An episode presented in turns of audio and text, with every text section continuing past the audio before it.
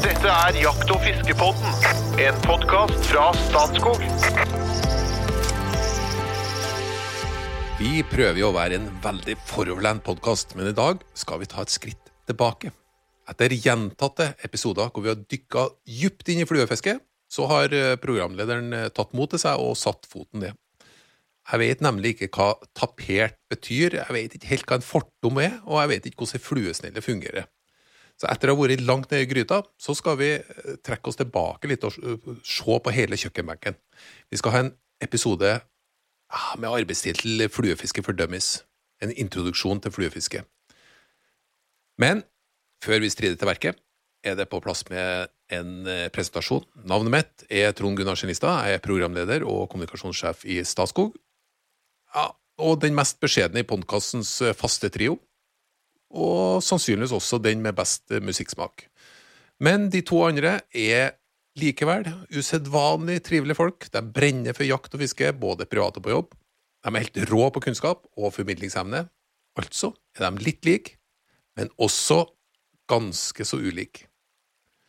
Eh, på den ene sida har vi en sindig kar fra Innlandet med jakterfaring av de sjeldne. Han har stabbur, dieselbiler, slakteri på gården og egen gravemaskin, og dessuten en doktorgrad i rypeforvaltning. Hjertelig velkommen, doktor Jo Inge Breisjøberget.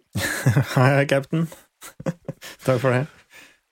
På den andre sida så har vi radiostemmen fra Asker, kunstnersjelen som spiller bluesgitar langs livets landevei.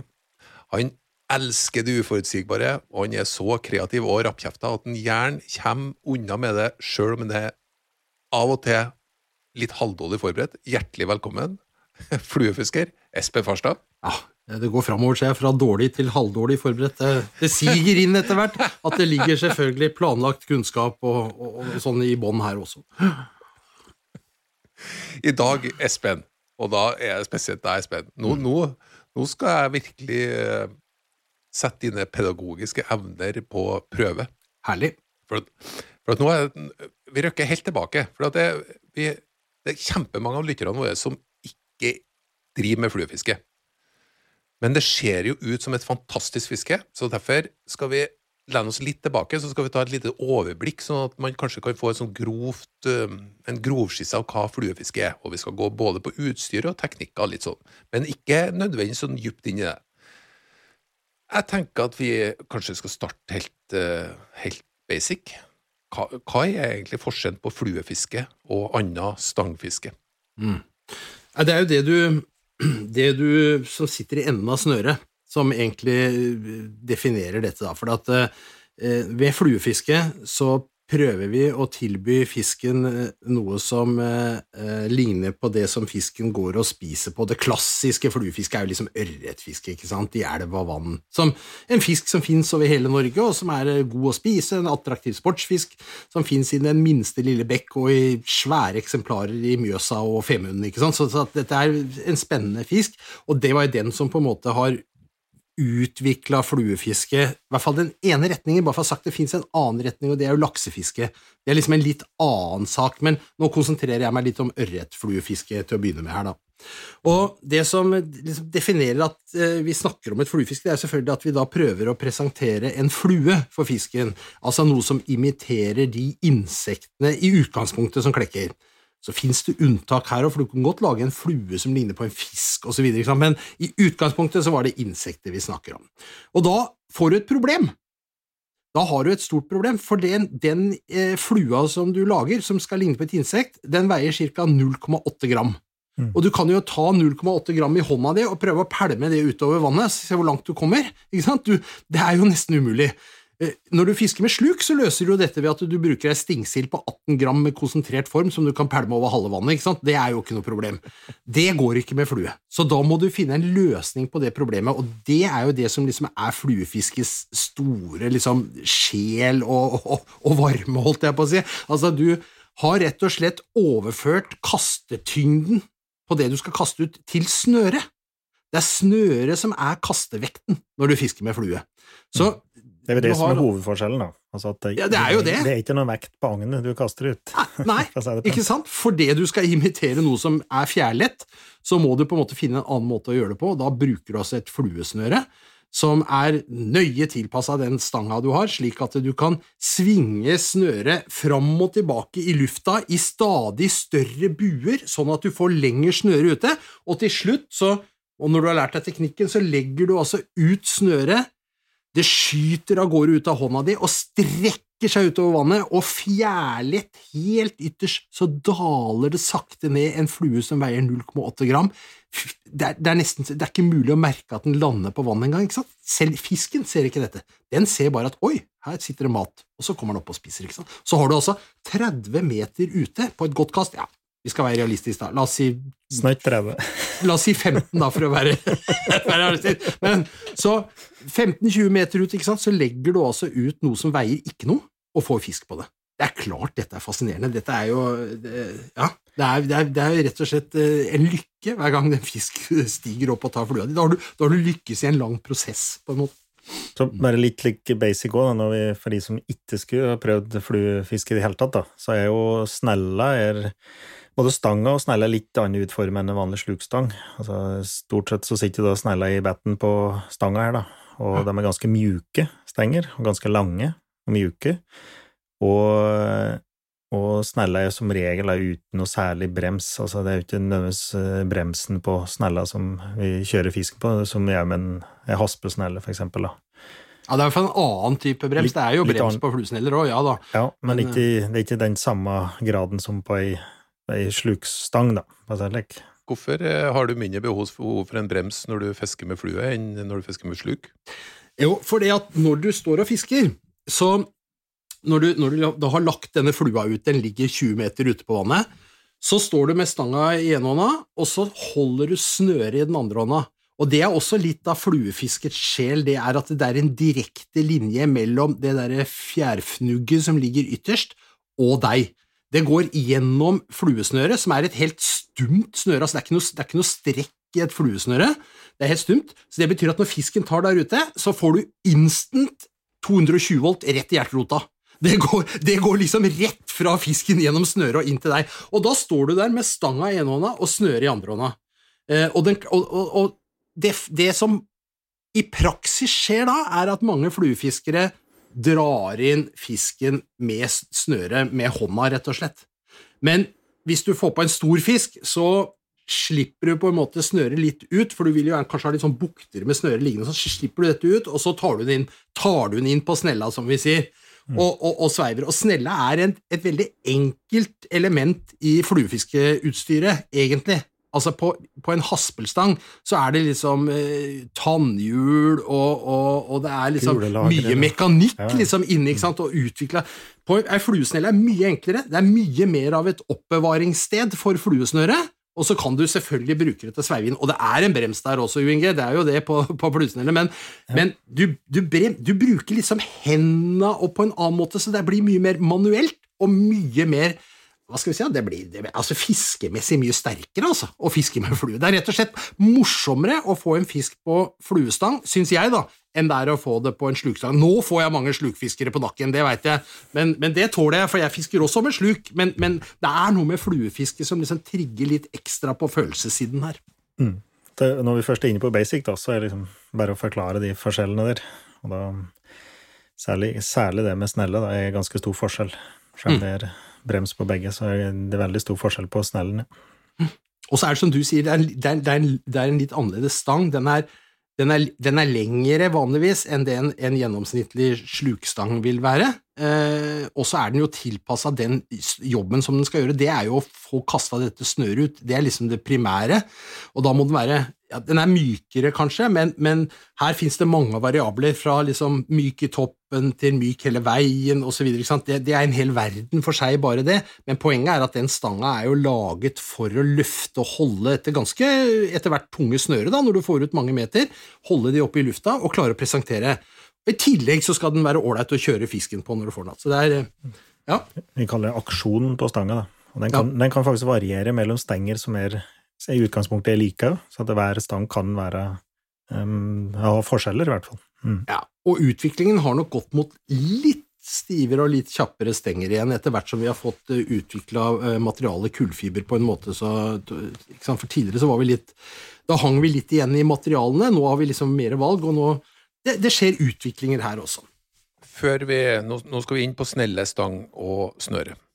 Men alle, før det altså, Det går jo an å fiske med alt mulig rart eh, i, fremst, aller fremst. Men det heter fluefiske. Det, var det flue som var Ja, Var det imitasjon av flue det starta med? Ja, det, var jo insekts, det er jo insektimitasjoner, og det er jo ikke rart. ikke sant? Altså Samme hvor de er i verden, og hvor du skal fiske ørret eller andre lignende fisker, så ser du at fisken spiser. ikke sant? Den er jo oppe og vaker. Eller han går på bånd og, og, og plukker nymfer, eller hva det er. Men det er jo insekter som veldig ofte er, er en stor del av dietten for disse fiskene, og, og det var jo naturlig at man da eh, begynte å imitere med, med fluer. Det er jo insektsimitasjoner i utgangspunktet. Men som jeg sa, det finnes altså masse fluer som er rene fantasifluer, eh, attraktorfluer, eller fluer som kanskje skal imitere en fisk eller en igle, eller hva veit jeg. Du kan på en måte Det er jo, det er jo ikke noen regler her, og det syns jeg er viktig å understreke, at det er jo fritt fram til å forske og leike og, og, og holde på med fluefiske sånn, og det skal ikke, skal ikke være sånn at det, det fins rett og galt. Det, det er, vi lever i et fritt land, og du, du kan velge dine egne fluer. Det syns jeg er viktig. Men, men det er kjent fra ganske lang tid tilbake. Eh, Tore nevnte ved det i en episode her, at det var eh, vår dame Juliana Burner. Eh, hun er abbedisse benediktinerkloster i Soppvel i 1425. Skrev en avhandling om fiske med krok. Og da brukte fjærkledde kroker, da, som da ligner, ligner på fluer.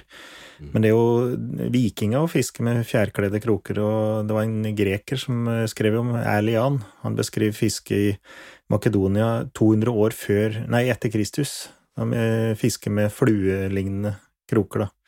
Og Så, så det er jo noe vi har drevet på med ganske lenge, og så har det blitt forfinet av engelskmennene. Vi kan vel si at det er engelskmennene som har tatt det til det nivået vi har i dag. De begynte i dere kalkelvene sine på midten på 1800-tallet og, og forfine liksom tørrfluefiske og fremover.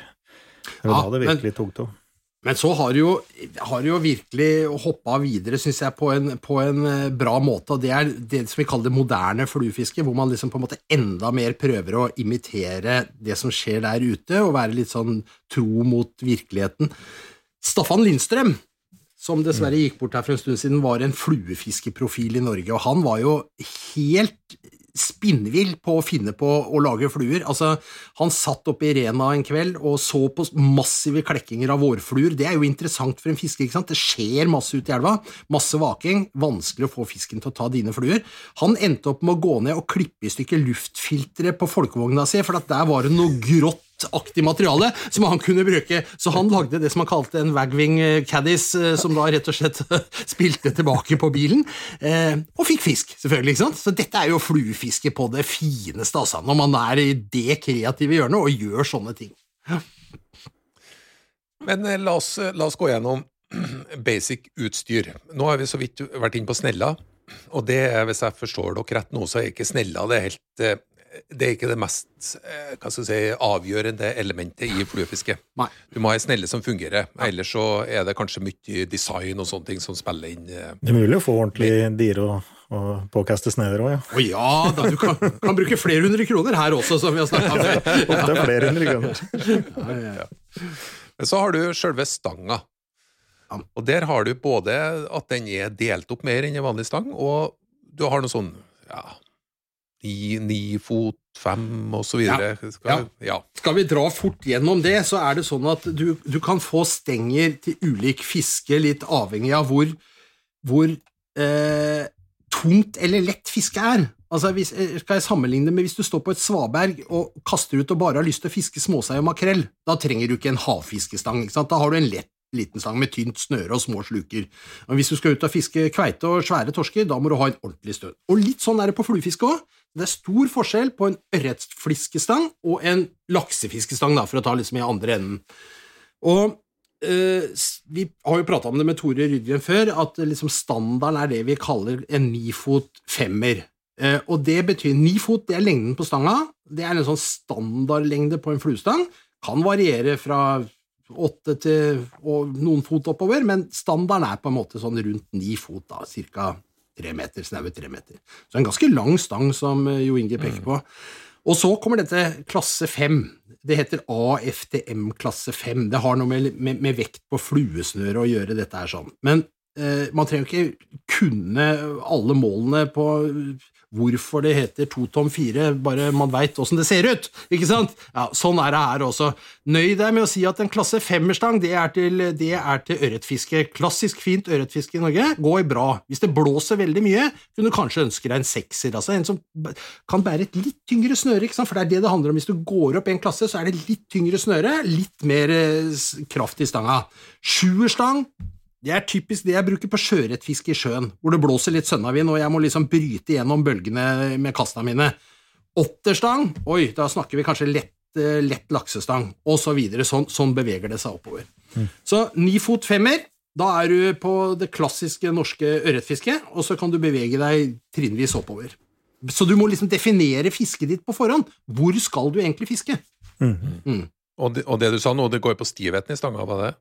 Ja, og så evnen til å bære snøret i lufta, egentlig. Ja. For de snøreklassene går vi i prinsipp Det er vel slik at det er så mye snøre det rommer på en viss lengde. Eh, Så det har noe med vekta på snøret, da, i prinsippet. Ja, ja. Tjukkelsen og vekta på snøret. Og da må da stanga være rigget deretter, da. Det skal være en harmoni i det her. Ja, så du har en femmer snelle, en femmer stang og et femmer snøre. Alt dette skal på en måte passe sammen, for, at, for at dette ikke skal bli unødvendig vanskelig. For hvis du har et for tungt snøre på en lett stang, ja, så, så begynner du å gjøre disse kastene fram og tilbake, og så plutselig kollapser på en måte stanga. Den klarer ikke å bære det lenger, og så blir det bare ball og tull. Ikke sant? Eh, og omvendt, hvis du har for stiv stang og for lett snøre, så blir det også veldig sånn eh, tullete. Men eh, dette gir seg selv, og i dag kan du gå inn i en hvilken som helst sportsbutikk og si at jeg trenger eh, en eh, stang til ørretfiske, så får du et sett hvor dette er satt sammen på forhånd. ikke sant? Så dette, Vi trenger ikke problematisere dette så veldig mye. Ørretfluefiskesett eller et sjøørretfluefiskesett, for eksempel. Så får du hver sin type, da.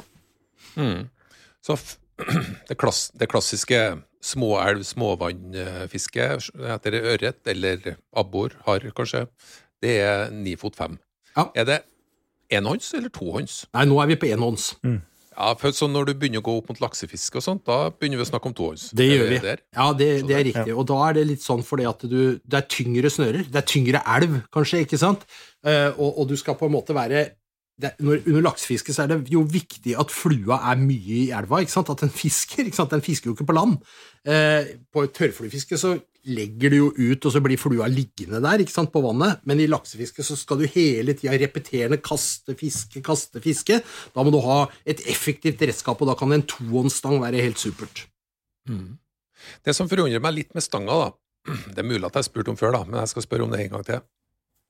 Ei eh, teleskopstang er, er litt sånn svekka i spensten eh, på grunn av alle delene sine, mens ei fluestang skal jo være ekstremt spenstig og jevn, da. Mm. Men den er også, kommer også oppdelt, da, så du setter den sammen når du, før du begynner å fiske. Kanskje fem deler, jeg vet ikke. Ja, Fire. eller fem, det, eller, det- altså to, tre, fire, fem deler, men det vanlige er vel standarden er liksom fire eller kanskje fem, da. Men nei, dette er jo nå utvikla med teknikker for de som lager dette, sånn at uh, dette er ingen utfordring. Uh, Utfordringa ligger i at du kjøper deg en billig teleskopstang. Der har man ikke tatt dette like mye på alvor, så der er det litt slark og slums underveis. Men på ei fluestang er ikke det, altså. Så dette sitter nydelig sammen, og du, du står med én stang, selv om den består av mange deler. Så ikke noe utfordring der. Og det, og det viser egentlig hvor langt vi faktisk har kommet. da. Altså, Ei fluestang ser jo ikke fryktelig mye annerledes ut nå enn vi gjorde for 10 år siden, 20 år siden, 30 år siden, men det har kommet fryktelig mye lenger på materialkvaliteten og å sette det sammen, og ikke minst skjøte. Du skal ikke så langt tilbake i tid før det var to deler på ei fluestang, og det var liksom standarden. Mm. Og så var det da mer reisestenger og litt mer eksklusive stenger, kanskje, som var kortere og, eller i, i flere deler, da. Mens nå i dag så får du jo til det, og klarer å beholde aksjonen i dem, ikke sant? Altså, Hvis du ser på ei fluestang i dag, så er jo den et, en, en visualisering og en synliggjøring av demokratisering og tilgjengeliggjøring av fluefiske for folk flest. Altså I gamle dager så var det jo sånn at du hadde ei lang stang hengende bak på låven, ikke sant? som var en sånn der bambus som man kalte suset fra Ganges, og som var blytung. ikke sant? Så fikk man de første fluestengene inn til landet, de var jo todelte. Eh, og så var det da noen litt eh, småsnobbete folk som reiste rundt i verden på, og drev med fluefiske. Hvem er det som hadde råd til det, da? Ja, men det var jo noen engelskmenn, selvfølgelig. Så de lagde jo sine egne mangedelte stenger. De kosta jo det hvite ut av øyet og hadde snobbete navn og teakesker med sånn der eh, lilla fôr på innsida, ikke sant? Så det var jo noe jåleri uten like. Men nå som folk flest har fått mer penger, mer fritid, mer, er mer mobile, reiser rundt, lar seg inspirere til å ta en tur til Rendalen eller Finnmark, ikke sant? så har man jo selvfølgelig utvikla fiskestenger som er sånn delt at du kan putte dem ned i en bag og ha dem i bagasjen, du trenger ikke betale ekstra vekt på fly eller noe ekstra, ikke sant? Så, så fluestanga den er en eksemplifisering på det gode fiskelivet ut til folket, den, rett og slett. Så den, i gamle dager så var det litt sånn ja, nei, du fisker vel med flue, du, din snobb. Ikke sant? Det var jo det var, det var mye sånt. Sånn er det jo ikke lenger. Nå er jo dette for hvem som helst. Ikke er det dyrt, ikke er det vanskelig, og vi prøver å avmystifisere dette her i dag med enkle råd og tips, gjør vi ikke det? Yes. Og, ja, og yes. skulle du ut og reise, så måtte du ha et helt rør, som du ser. Du måtte ha en lang, langt rør. Ja, ja, ja. Alle har vel vært hos rørleggeren og spesialbestilt og tetta og plugga i en og hoppet det er helt riktig. mm.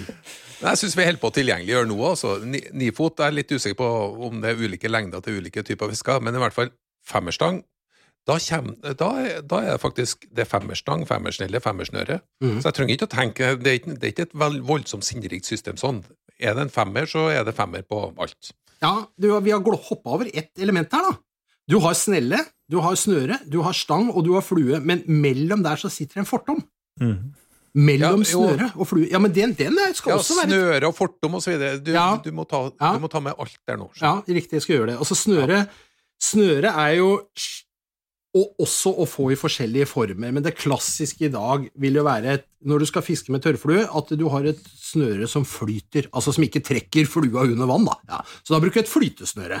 Det, hvis du skal fiske med en, en, eh, en eh, imitasjon av en blodigle som svømmer nede i vannet, så har du altså et synkesnøre. Ikke sant? Så det fins ulike varianter, men standarden på fluefiske i dag, det er, tør, det er tørt, ikke sant? altså et flytesnøre.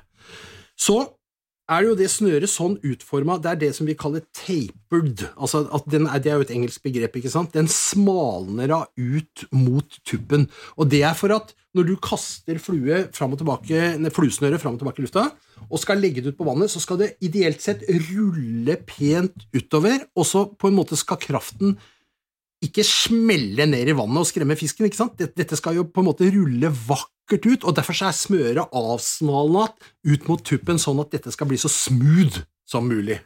Det blir mye engelsk ord her, hører jeg, for å beskrive Jo, dette. jo, men det, men det- Espen Michael Farstad, det går fint. Sånn er det.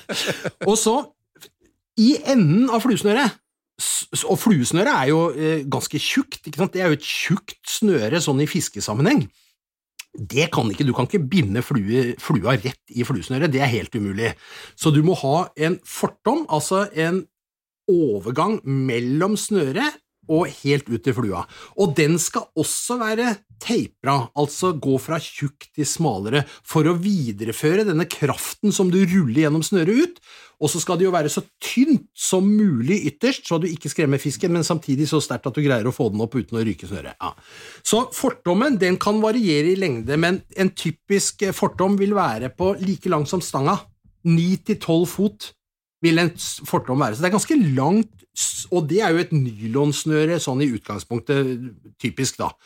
Og da er det ganske tjukt i ene enden, og det binder du da i, i fluesnøret, med, og her skal man være litt nøye så man ikke får knuter som setter seg fast i stangringene. Sånn. Så her, her er det sinnerike knuter, eller løkkesystemer, er det blitt veldig vanlig. Så man kobler dette sammen, og så har man da et snøre som går fra typisk, la, la, la oss si 0,50 da, innerst, millimeter, og ut til den ytterste tuppen som kanskje bare er 0,14-0,12 millimeter. Tynt snøre. Så man bruker jo små fluer ofte, tynt snøre, og så har man denne teiprede virkeligheten da fra fluesnøret gjennom fortommen og helt ut til flua. En jevn overgang fra snøret ut til, til flua, da, til krokøyet på flua. Var det forståelig, Trond Gunnar? Ja, ja, jeg, Ja. jeg syns det er kjempebra. Ja. Den, og den er jo et svakt ledd, da. Den fortommen er jo da på en måte Ja, og den, går vi jo den, den passer vi jo på å bytte. Altså, vi bytter kanskje ikke hele fortommen, men den ytterste 30 cm, 40 cm, de bytter vi hele tida. Så vi, alle fluefiskere har da noen sånne ruller med 015, 012, 018, eller noen steder så heter det 3X, 4X, 5X. altså Dette er noe sånn kodespråk. Ikke bry dere om det. Du skal ha fortommer i ulik, fortomspisser i ulik tykkelse, som du da kan binde på ytterst etter hvert som kanskje du har bitt av litt uh, Unnskyld, klippet av litt snøre, eller, eller, eller, hva det måtte være. ikke sant? Altså Du har ryket, satt deg fast i en busk bak deg. Det gjør jo stadig vekk med fluefiske. ikke sant? Så du, du er hele tida nødt til å passe på at den ytterste delen den må være helt strøken. Det er jo der du skal presentere det for fisken. Så det her skal ikke være noe, skal, det skal ikke ligge som en krøll bortover vannflaten. Denne. Det skal være snorrett og så tynn som du kan forsvare i forhold til den fisken du fisker på. Hvordan fester du flua? da? Er det rett, altså er en knute rett på flua? Ja, det er en knute rett på flua. Det fins faktisk noen sånne små mikro eh, sånn der, Hva heter det for noe? Det heter mikro... Altså, det er en sånne klips da, som du setter på flua. Men det, de, de, 99% knyter flua på. Og her finnes det jo selvfølgelig ca. 7500 forskjellige knuter som, som, du kan fordype deg hvis du har lyst til det. Eh, ja, men jeg vil si at det er, det er ganske enkelt. Altså, en helt vanlig sånn type slukknute, altså tre gjennom, surre rundt, tre gjennom, slikke på den og stramme opp, det er liksom standard eh, på, på flue. Men så, noen ganger skal du kanskje fiske med en flue som skal bevege seg litt i vannet, eksempel, altså en våtflue eller en fiskeimitasjon eller noe som skal røre seg, da er det lurt å bruke en, en, knute som ikke låser flua til fortommen, men, men, lager en liten løkke så flua kan liksom eh, bevege seg og vingle gjennom vannet der nede. Ja, det fins mange grader her, men, men, stort sett så er dette veldig enkle knuter som, som skal på. Så nå får jeg også mange på nakken, jeg er klar over det, for mange mener jo sterkt om dette med hvordan at dette påvirker fluepresentasjon og sånn, men vi skal jo forenkle, og da sier vi at sluknuten, som er den knuten som de aller fleste kan, den kan også brukes på fluefiske. Mm. Og så har jeg hørt et uttrykk som heter barbless. Ja. Og det gjelder vel kanskje ikke bare flue, fluefiske, men kanskje enda mer brukt blant uh, fluefiskere? Ja. For det har noe med catch and release å gjøre? Ja, det er helt riktig. Etter hvert som Eh, denne internasjonale trenden med catch and release, eh, altså sette tilbake fisk som du fisker, eh, brer om seg. På godt og vondt, men det kan vi ta i et annet program. Men, men, men det er noe der, da. Så så, og mange elver som du er og fisker i, så vil du kunne møte et regelverk som sier at du skal sette ut Ja, vi har jo minstemål, det kjenner vi jo alle til, at den lille fisken skal ut, men noen har også maksmål, den større fisken skal ut, eller kanskje til og med at hunnfisken skal ut, eller at en art skal ut. Du skal sette ut sjøørret, for den er freda i vassdraget, men du har lov til å fiske laks, f.eks. Så det er mange grunner til at eh, man trenger å sette tilbake fisk.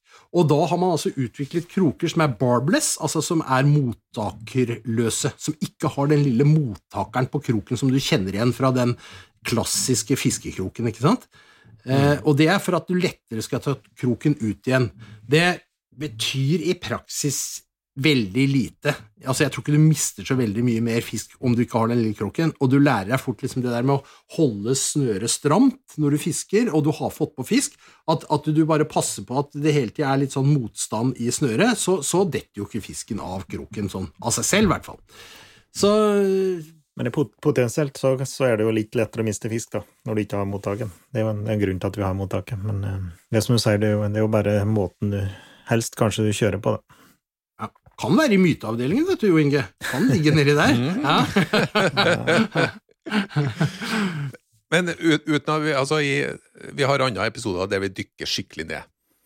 Det er både flueboks og imitasjonsfluefiske og sånt. Men kan, kan du ta grupperingene av, av, eh, det vi kaller flua, da? For jeg vet jo, Det heter jo noe som heter strimer, nymfe ja, Ok, vi kan ta det veldig grovt, da. Så kan vi si at uh, ja. nymfer imiterer uh, et stadie for insektene der de er under vann og ikke har uh, klekka ferdig og fått på seg vinger osv. Så, videre, så de, de, svømmer da nede og har da en form som, som du må etterligne. Da hiver du ikke en tørrflue, bustete tørrflue, men da hiver du også en mer slank, liten og synkende flue. ikke sant? Da er du på nymfe, eller larve hvis vi snakker om, om vårfluer.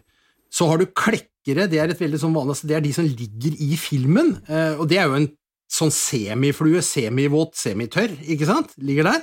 Og så har du tørrfluer som ligger oppå som imiterer voksne insekter som eh, er, enten har klekket og sitter på vannet, eller er på vei ned for å legge egg, eller er ferdig med livet og ligger med armene ut. Da kaller vi det spent spinner. Ferdig liksom. Ja, ja.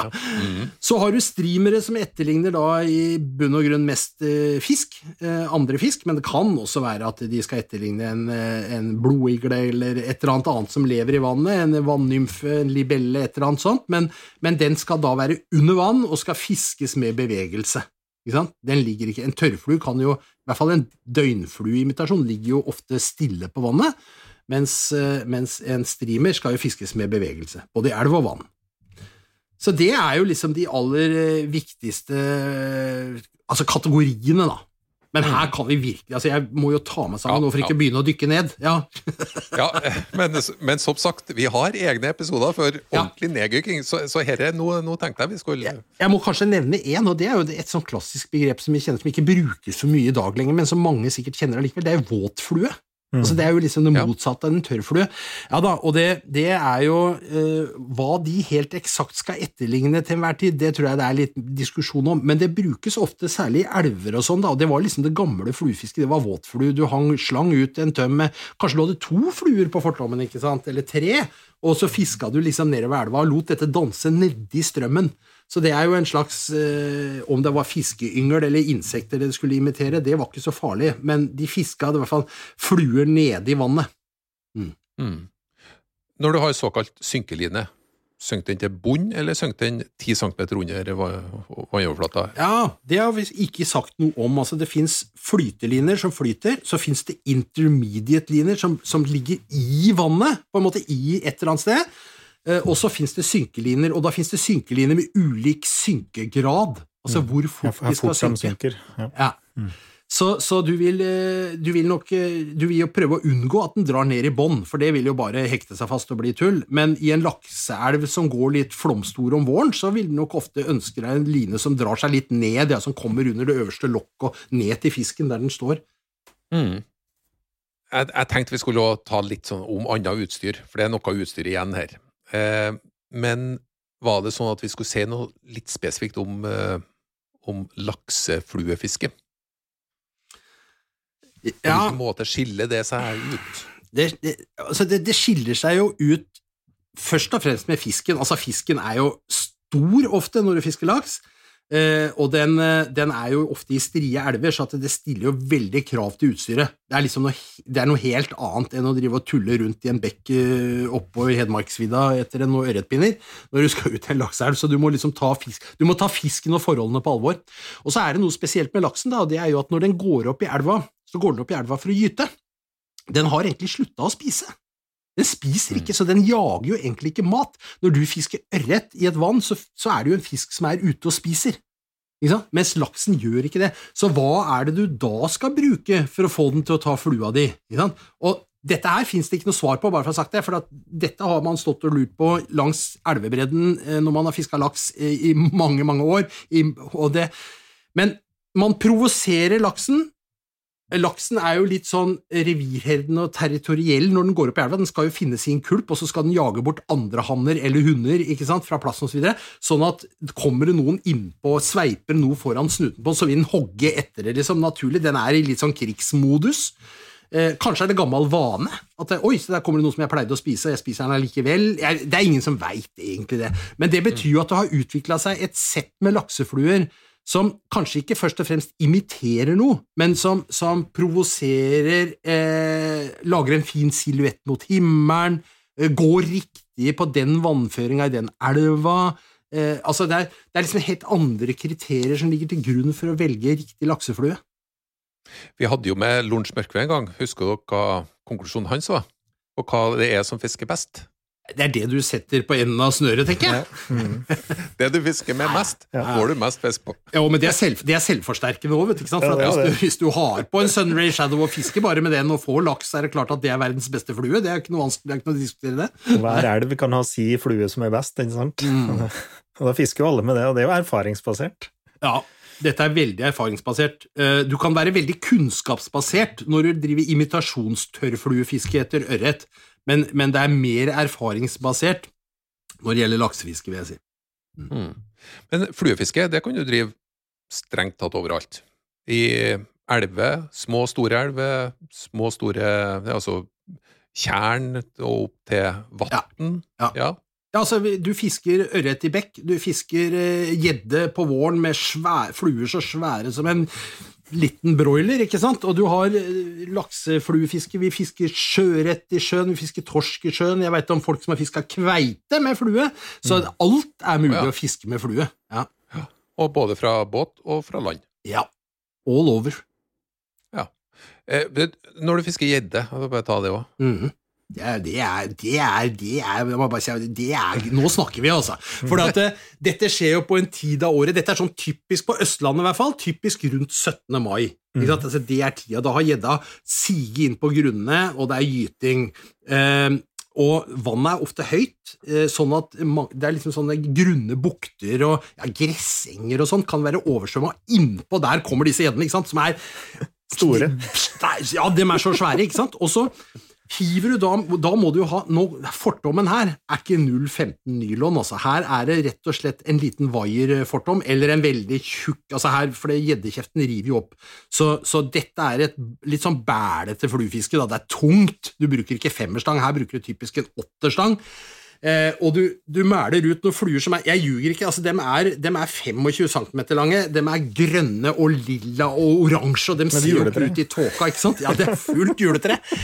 Og så drar de dette. Men når den gjedda da kommer, når det kommer ei gjedde på 5-6-7 kilo jagende etter på grunt vann som en torpedo etter flua di jeg skal, jeg, skal love at du kjenner at du lever, altså. Og når den tar, og du får det derre inn i henda i stenga sånn, det er Ja, dette er eh, Ja, det er, jeg vet det er vanskelig å beskrive. Det er kraft. Det er kraft i dette her sånn, altså.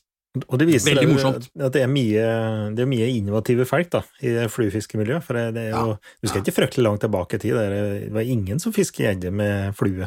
Det var, det var liksom knapt det var, det var litt uhørt, nærmest. Og kveite, som du sier. Det var ingen som fisker kveite eller med flue. Så det, liksom- det er jo ganske innovative folk, da. Men det krever jo litt av utstyret. ikke sant? Skal du fiske kveite med flue, så må du ha en utrolig sinktipp eller synkesnøre, ikke sant? så du får dette ned. Og det må være kraftig. Det er jo, grenser jo til drapsvåpen, det der utstyret som du bruker på dette. sånn. Men, men, men det funker, og jeg, har- jeg har sett, sett folk som gjør det. Storskei på flue. ikke sant? Det er klart, dette er eventyr. Mm.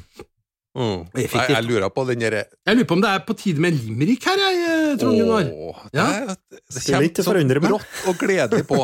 Brått og gledelig hver gang, ja. Ja, ja. Så, ja. ja, ja, ja.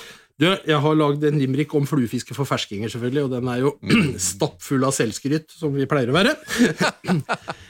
En frustrert sportsfisker fra Ski fikk ikke fluefisket sitt til å gli. Men kunnskapen nådde han da han hørte på podden, nå er han rett og slett fluefiskeblid. Åh, nydelig, Espen! Vakkert. Du, eh, før vi Nei, vi, vi, jeg, jeg syns dette var helt strålende, fordi at uh, jeg har lært veldig mye. Uh, men uh, det er litt sånn utstyr i tillegg. Særlig, særlig hvis du fisker der du har behov for å komme deg ut i elv. Ja. Eh, hvordan hvordan utstyr er det liksom du sannsynligvis er nødt til å skaffe deg hvis du blir bitt av fluefiskebassillen? Vadebukser. Det må du ha. Ja. Ja, du må ha vadebukser, og øh, Tett, tette vadebukser. Ja, ja, tette, ja det, det, det, det, det, dette er jo ikke Det er et evig problem.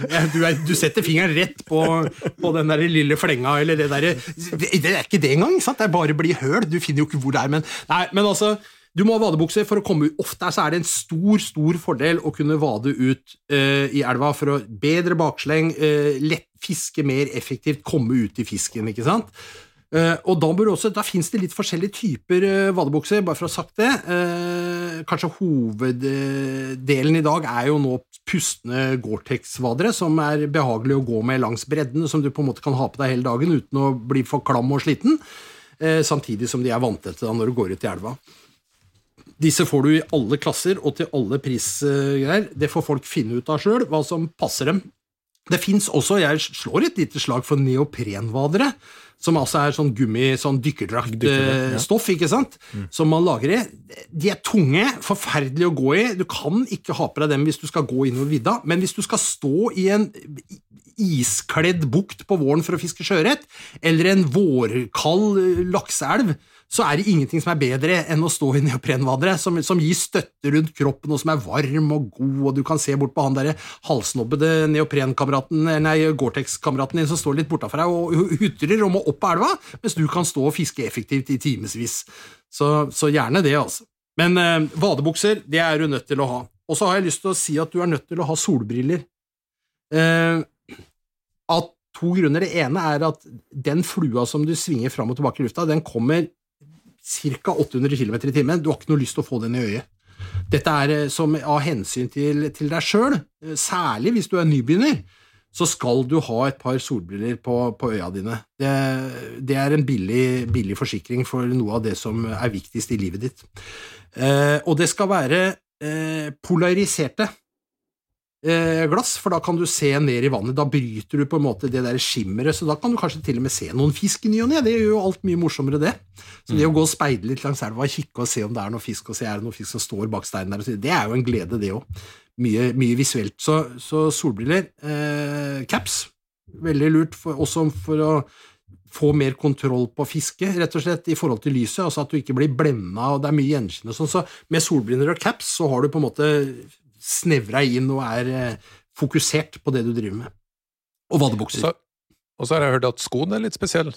Ja, det er vadesko, ja. Det hører, følger med vadebuksene. Altså, ja, du kjøper et sett med eh, Ja, det kan være fastmonterte sko på vaderen. Det er noen ganger, det, det fins det, men det er litt, for å være helt ærlig, litt dårlig løsning. Det er ofte litt dårlige sko, og Eh, det er bedre å ha løse sko som du, som du har på utsida som du vasser eh, rundt med, for de er spesiallagd for formålet. Har enten eh, gummisåle med sånne knaster à la et piggdekk på bilen, eller en filtsåle som gjør at du balanserer ute i elva uten å skli på glatte steiner. Veldig snedig og morsomt, morsomt med vadere, altså. Mm. Neoprenvadere, så sitter jo da skoen på, da. Altså, mm. Da er det en del. Det er en integrert som er lang støvel, det. da. Ja.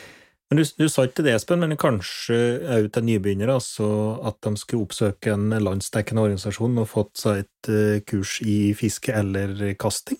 Hvilken ja. organisasjon kan det være? Nei, jeg vet ikke uforståelig. Nei, nei, selvfølgelig så er det jo sånn. Vi, jo, vi, har jo 560 lokale jeger- og fiskeforeninger. Det betyr at i hver elv hvor det renner en elv hvor det kan dyppes en flue, så finnes det en jeger- og fiskeforening. Og i den jeger- og fiskeforeninga så er det noen ufattelig flotte mennesker med store hjerter for nettopp det vi snakker om nå, fiske og ja, jakt og fiske. Da. Du vil nok eh, kunne treffe noen som kan hjelpe deg i de aller fleste av våre lokalforeninger rundt omkring. Vi har en kalender på førstesida på njff.no hvor du kan søke fluefiskekurs, og så spretter leter opp en hel haug rundt omkring i landet.